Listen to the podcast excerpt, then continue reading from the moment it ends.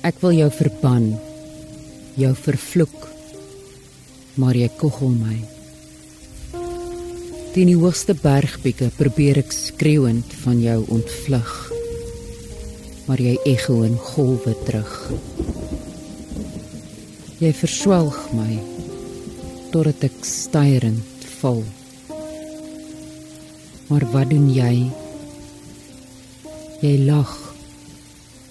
Nie eens 'n meesterkomponis sal jou 'n melodie kan gee nie. Dis hoe vals jy is. Jy dawer in vlamskerp sewende steur my liggaam. Selfs Debussy sou nie vir jou grynslag nie. Wanneer ek saans my oë sluit, bid ek smeekend dat jy jou laaste note sal speel. Net om soggens weer te lê en wag dat jou dissonante akkoorde my van voor af versmoor.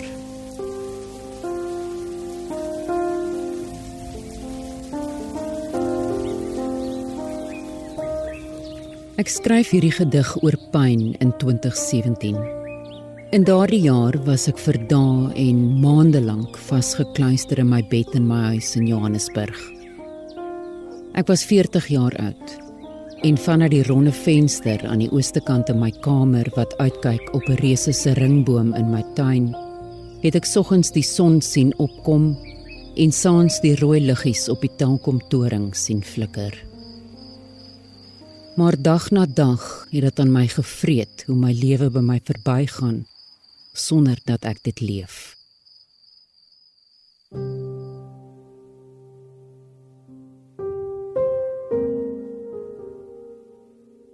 Die uitmergelende pyn waarmee ek die minute van elke dag in millisekondes afgemeet het, was ondraaglik. Pyn het, soos wat ek dit in die gedig beskryf, vir my soos een van die mense in my lewe geword. Iemand met wie ek noodgedwonge 'n verhouding moes opbou. Pyn het oor jare heen 'n reisgenoot geword, 'n lewensmaat, 'n kollega 'n skaduwee, my grootste vyand. Soos 'n misdadiger het pyn my liggaam vasgebind, my vryheid gesteel. En ek het totaal afgesonder begin leef van die wêreld waarvan ek eens deel was. 'n Wêreld waarin ek eens op 'n tyd aktief en suksesvol was waarin daar geen keer was aan my entoesiasme, werksywer en deursettingsvermoë nie. 'n Wêreld waarin ek gereeld vriende vir koffie en etes ontmoet het en nooit twee keer gedink het of ek in my motor gaan spring om my ma of vriende in Bloemfontein te gaan verras nie.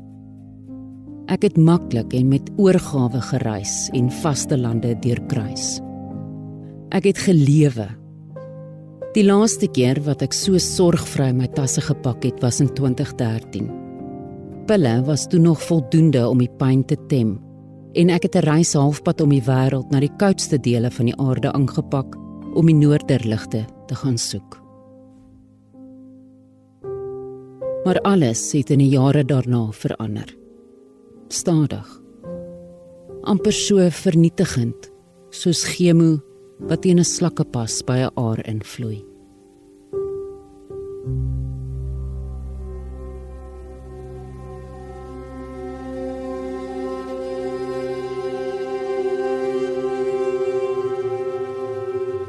Pyn sonder 'n mens af. Dit maak jou wêreld wat eens groot en gunstig was en vir jou geglimlag het wanneer jy soggens wakker geword het, klein. My reis met pyn begin skielik en sonder waarskuwing in 2007. In my heupbene en pelvis begin dit voel soos 'n elektriese boor wat stadig inboor, indringend en aanhoudend. Die pyn versprei later na ander dele van my lyf, maar is altyd intens op daardie plek. Spesialiste begin 'n speurtog, maar te vergeefs. Gedurende daardie tyd is ek 'n televisiejoernalis vir die SAK in Bloemfontein. Ek bedank aan die einde van die jaar en verhuis in 2008 na Johannesburg, waar ek aansluit by Mnet se kaart Blanche as ondersoekende joernalis en vervaardiger. In dieselfde jaar wat my loopbaan daar met 'n knal afskop, diagnoseer 'n reumatoloog fibromialgie by my. 'n Siekte wat gekenmerk word deur wyd verspreide pyn in die skelet en spiere wat ook gepaard gaan met erge moegheid en slaap- en geheueprobleme wat ook fibrofok genoem word. Dis ook 'n siekte waarvoor daar geen konkrete toetse bestaan nie. Carte blanche word my lewe en ek het tyd vir min ander dinge. Ek werk slaafs en vind met medikasie 'n manier om deur die pyn en moegheid te beur. In 2014 bevind ek myself die eerste keer in die hospitaal vir pynbeheer. Die jaar daarna raak dit moeiliker om normaal te funksioneer. In 2016 kan ek vir 6 maande deur die loop van die jaar nie werk nie omdat ek te siek is. En in Maart 2017 tuimel ek in mekaar weens die uitmergelende pyn en onuithoudbare moegheid wat ek toe reeds vir maande lank ervaar. Boonop het ek vir maande lank toe ek reeds korttermyn geheue verlies tot so 'n mate dat ek alles in 'n boekie begin neerskryf het wat ek permanent by my dra. Daardie uitmergelende pyn en moegheid stroop jou van jou menswees, van jou selfvertroue Dit beroof jou van die mens wat jy eens op 'n tyd was. Die stilte wat in my binneste gevolg het, was oorverdowend. Nie net omdat ek so afgesonder was van die wêreld rondom my nie. In my en rondom my het dit donker geword. My liggaam het 'n tronk geword. En my vermoë om te loop en onafhanklik te funksioneer was grootliks beperk. Dinge so eenvoudig soos om die trappe in my huis te klim, het 'n onbegonne taak geword. En ek was dikwels te moeg om selfs net die dewy van my lyf af op te lig of 'n eenvoudige gesprek te voer. Sommige dae was makliker as ander, wanneer dit nie so alles oorweldigend was nie. Maar ek het min hoop gehad om ooit weer minder pyn te hê, om ooit weer makliker te loop, weer ten volle my breinkapasiteit te herwin of weer heeltemal onafhanklik te wees. Wonderbo wonder het my geloof my nie laat tuimel nie. Ek het soos 'n dogtertjie bly vaskleef aan my ma wat my op haar moederlike manier deur hierdie storm probeer dra het en ek het bly vashou aan my vierpotige kind Lucy se alomteenwoordige liefde en instinktiewe verstaan. Wat ek nie geweet het nie in daardie donker maande, toe tyd dag in en dag uit deur die ronde venster in my kamer verbygeskuif het, is dat my hele lewe aan die einde van daardie jaar sou verander. In Desember 2017 lê ek die 11de keer in minder as 3 jaar in hospitaalbed. 'n Nuwe spesialis kry na nog 'n speurtog ander uitslaa. 'n Nuwe diagnose. Ek was vir 8 jaar waarskynlik verkeerd gediagnoseer en behandel. En die nuwe diagnose, hoewel outoimmuun lewenslank en met tye steeds uitmergelend sou tog vir my hoop bring. Hoop is vir my amper soos die titelakte, die reg op geloof en dit wat vir ons verseël is deur ons geloof in Jesus Christus. Hoop is ook dankbaarheid vir my, want dankbaarheid hou my op 'n stasie waar ek aan elke klein dingetjie iets wonderbaarlik kan beleef. Elke dingetjie kan mens versterk want dit bevestig sy bestaan. Dit is hoop. Dit is dankbaarheid om te sê Here, al lewe ek nou klein, U lewe. Hy lewe. Ek lewe gemaak om na liefde te strewe op vlerke van vriendskap te swewe sonder vrae sonder sorge Moetjie, dis alsreg. Annelie, wat 'n voorreg om jou te ontmoet. So so bly. Ek sien. Baie hartlik welkom. Kom in, kom in. Dankie vir jou. Dankie vir jou. Annelie, dis 41 jaar sedert jy Crescendo gewen het in 1979. Hoe het daai oomblik jou lewe verander? Is dit dit was 'n totale rondom talie want nooit het ek gedink dat musiek en sang 'n loopbaan sou kon word nie. Ek het soveel belangstellings gehad en ander dinge gedink. En daar word ek as wenner aangewys en deel van die prys is die plaatopname by EMI Brigadiers wat toe in 1980 gebeur. Nou daar vat mens die prys en jy sê verskriklik dankie en daar sluit dit 'n loopbaan vir my oop, 'n hele lewe. Wie weet iewers is daar dalk 'n land van rus en wie weet waar die vlugteling veilig is. In 1980 neem die bekende liedjie-skrywer en sangeres Annelie van Rooyen haar eerste langspeelplaat op en met Neem my saam sing sy haarself in die harte van Suid-Afrikaners in. Diep diep in die bosse is 'n poort na 'n vergete land.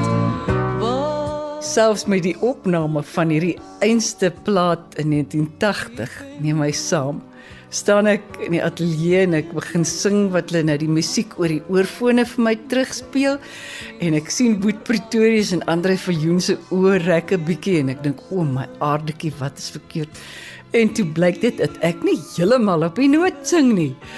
En ek kan my indink wat hulle gedink het o my liewe genade hoe gaan ons ooit 'n plaat met hierdie singende wesietjie maak?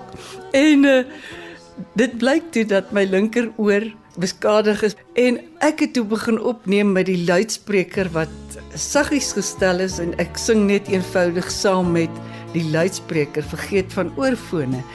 Dit is vir my 'n hoogtepunt want daarsonder sou ek regtig 'n potjie gewees het.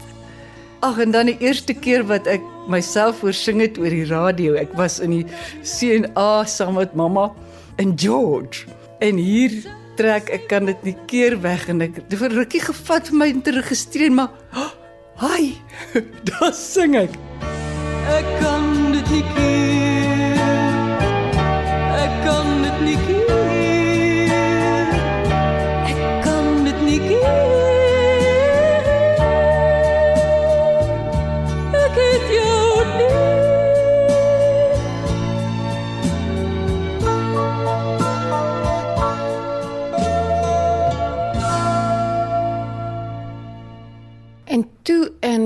1988 voel jy 'n brandpyn aan die regterkant van jou gesig. ons was in Durban ek en my orkes wat saam getoer het op daai tydstip en daar was 'n lekker ou vars briesie met die uitkom die volgende oggend by die kamerdeur. Toe voel ek 'n brandpyn hier bokant my wenkbrau ek het maar net gedink dit gaan verbygaan Hoe die pyn in daai stadium jou lewe en jou loopbaan beïnvloed en het jy toe begin soek na 'n oorsaak? Ons was aan die toer, ons was besig. Ek is ook baie sterk gewees in my denke om verby so iets lastigs en onverklaarbaars te kan werk. En so elke 2 jaar of wat het ek gedink, "Oulright, nee, kyk, nou moet ek daarom soek waar's die fout?" En dan het ek 'n dokter genader. Die wonderlike mense het my met dowwe oë aangekyk. Dit het 16 jaar geduur voordat ek kon verstaan wat dit is. In 2004 word atipiese trigeminale neuralgie by Annelie gediagnoseer. Eerste ek kan nie vir jou vertel die verligting, sal mens dit so stel om 'n naam te hê vir die ding want jy stry teen 'n totale onsigbaarheid en 'n onverklaarbaarheid. Wat beteken jou gees en jou denke moet weerbaar bly om te verstaan dat iets fout is wat niemand kan sien nie en dokters nie vir jou kan verklaar nie. Trigeminale neuralgie is 'n langtermyn pynversteuring wat die senuwee affekteer wat verantwoordelik is vir gevoel en motorneuronfunksies in die gesig. In April van daai jaar het 'n neurochirurg wat hulle noem die Genetta prosedure op my uitgevoer. Maar hy het my gewaarsku dat omdat die senuwee nou al 16 jaar lank getimmer het teen die slagaar, kan daar skade wees dit kan terugkeer. Wat ook toe gebeur het. Die medisy sê TN is een van die pynlikste toestande wat bestaan. Watter impak het hierdie knaande pyn, soos wat jy dit nou noem, op jou lewe? Ek het gedink, "Jy's like, dis nie lekker nie. Ek sukkel. Ek word moeg. Dit perk my in. Dit trek my terug van velerlei dinge waarvoor mens nie kan sien nie. Dit was dan iets wat ek bitter graag sou afskud. Wat sy toe probeer doen het in 2007 met 'n operasie wat beloof het om die pyn onder beheer te kry. En ek word aanbeveel 'n dagprosedure. Die woorde van die dokter was die pyn kan dieselfde bly, dit kan beter word en dit kan weer oorgedoen word. Dit kan nie skade doen nie. Maar die operasie loop lelik skeef en ruk haar lewe en loopbaan tot stilstand. Toe jy wakker word daar Annelie na daai operasie, was dinge instinktief anders. Aangwekkend. My gesig was aan die brand. My mond was 'n elektriese geknetter van 'n doodse kortsluitings die een op die ander. Ek kon nie my mond oop kry nie. Ek kon nie my tong roer nie. Dit was onbeskryflik. Annelie is na die operasie aan haar eie lot oorgelaat om antwoorde te vind. Ek kon net deur klein strootjies, sagte goedjies probeer inkry. En die mondkaakchirurg het vir my gesê, "Wel, so besering kan nou 3 dae, 3 weke of 3 maande vat en toe later word dit 3 jaar." Hulle het my nie gehelp nie. Die kaakgewrig kon onmiddellik teruggeklik geword het. Hy kon. Dit sou my 3 jaar en 8 maande vat voordat ek weer my mond kon oopkry toe dokter Kloege my kaakgewrig chirurgies herstel het. Ag nee, hulle het my gelos. Sy ondergaan oor die volgende paar jaar verskeie operasies om te probeer om die skade te beredder. Onder meer ook 'n breinoperasie om 'n elektrode te laat implant om die pynsyne te blokkeer. Maar ook dit het nie gewerk nie. Toe jy besef dit het nie gewerk nie en hierdie gaan moontlik die res van jou lewe wees. Hoe donker het dit in jou geraak? Dit het my bang gemaak. Ek was nooit 'n bang mens nie. Dit was verpletterend. Ek was by 'n stasie waar ek nog nooit in my hele lewe was nie om te probeer begryp hoe kon so iets gebeur? Hoe is dit enigsins denkbaar? Daar's soveel teleurstellings, daar's soveel hoop en die wegval van hoop. Jy besef dit is ek en die Here alleen. Hierdie reeks se naam is 'n tronk van pyn. Voel dit soms vir jou of jy opgesluit is in 'n tronk? O ja, ek is 'n gevangene hiervan. Ek wil nie gedefinieer word deur pyn nie. Ek stry met alles wat in my is daarteen. Maar op die ou end bestaan die lewe uit dit wat jy in staat is om te doen. En ek is in staat om verskriklik min te doen. Wanneer ek opdaag wat baie van my verg, dan gebeur daar iets, dan doen die Here iets, maar ek bid vir hom baie dikwels asseblief net 'n bietjie krag om op te daag sodat iets kan gebeur, maar Is dit dit is ontsettend hoe die lewe by my verbygaan.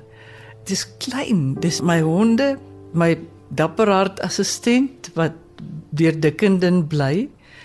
My wonderlike ouers wat my geglo het en saam met my geleef het en my mamma wat nou by my bly. My klein vriendekring. Dis dit. Ek sidder om te dink van mense wat uitgelewer word op hierdie manier wat nie ouers het soos wat ek het nie. Wat sonder huiwering kon instaan en my staande kon hou, want dan was ek op straat. Daai mens wat jy was, Annelie, het dit vir jou gevoel of jy daai mens moet begrawe? Is dit dit voel vir my soos 'n gletser waarvan stukke van mens afsmelt en wegdryf, waar jy absoluut niks kan doen nie. Jy word uitgekalwe. Ek dink elkeen wat luister, jouself wat 'n geestes en 'n geloofsreis deurstaan om hierdie ding dag vir dag te oorleef. Verstaan wat ek nou sê? Al die drome en goeders hier binne. Ek sal nou baie hard moet gaan soek om hulle te vind, maar hulle is nog almal daar. Ek dink net nie oor hulle nie want ek kan hulle nie bykom nie. Ek veg om myself te moet begrawe want ek wil nie. En met dit wat ek het en wat ek oor het, lewe ek met liefde. En dit is die een enkele ding wat sal bly staan. Estie, dit is 'n geplunder van jouself. En die herskepping bid ek nog voor want daar moet 'n rede wees waaroor ek nog hier is. Of ek soek hom, ek weet mos die Here gaan my nooit begewe en verlaat nie. Jy hou deurentyd vas aan hoop, maar jy is ook net 'n mens, Annelie. Is daar oomblikke wat jy soms kwaad word? Ek word ongelooflik magteloos. Ek dink nie ek kan dit kwaad noem nie. As daar by tye opstand is, dan is daar sekerlik 'n element van woede.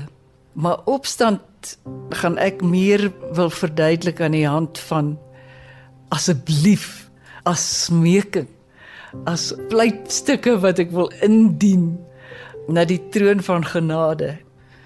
Die magteloosheid die hulpeloosheid is iets waarteen jy moet beklei.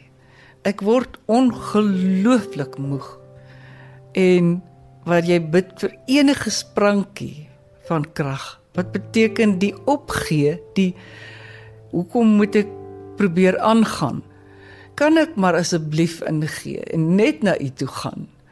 En dan op 'n manier uit daardie stof dan kry jy weer genade. Jy ontvang liefde jy ontvang gebed en ondersteuning van vreemdelinge en vriende. En jy gaan weer 'n bietjie aan.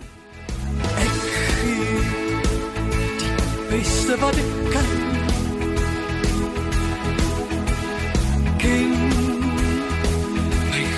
Wat op sal staan.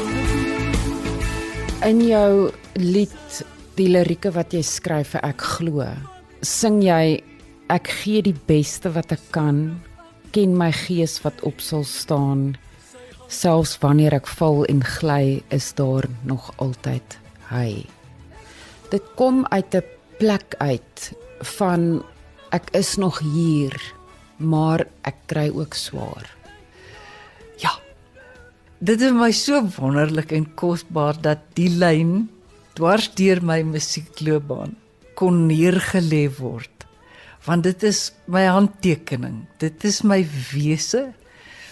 En ek is so dankbaar daarvoor dat dit al hierdie jare deel is van my onderskraging.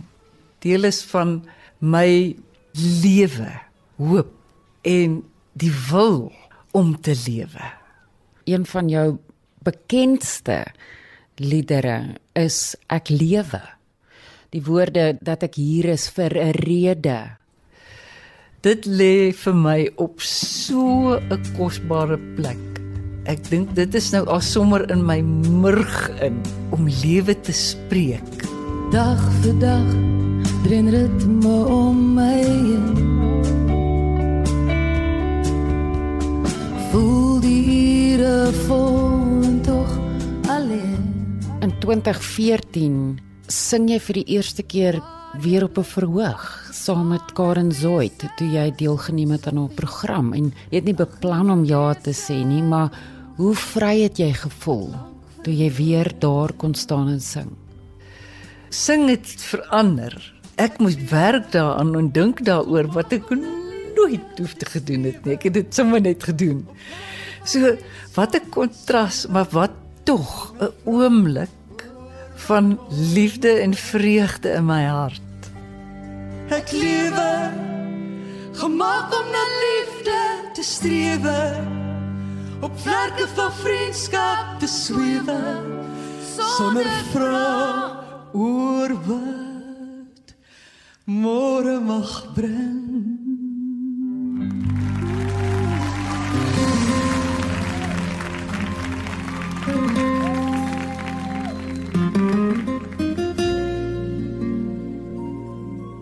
2015 na 'n stilte van 8 jaar, reik jy jou 16de album uit. Nogtans sal ek sing.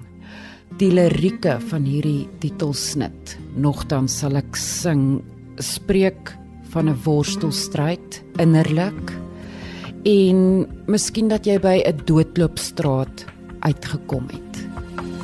Klipsteenharde wegkeermure, eystergryndels, veldbrandvure, geen pad uit Ek dink dit is die naaste wat ek nog ooit in liedvorm kon skryf waardeur mense gaan met kroniese pyn. Ek kom van diep uit my gebeente waar jy besef daar's niks op die aarde moontlik wat jou kan help nie. Dit is 'n doodloopstraat. Stop, sal u my optel Uit die pyn weer asem voortbring.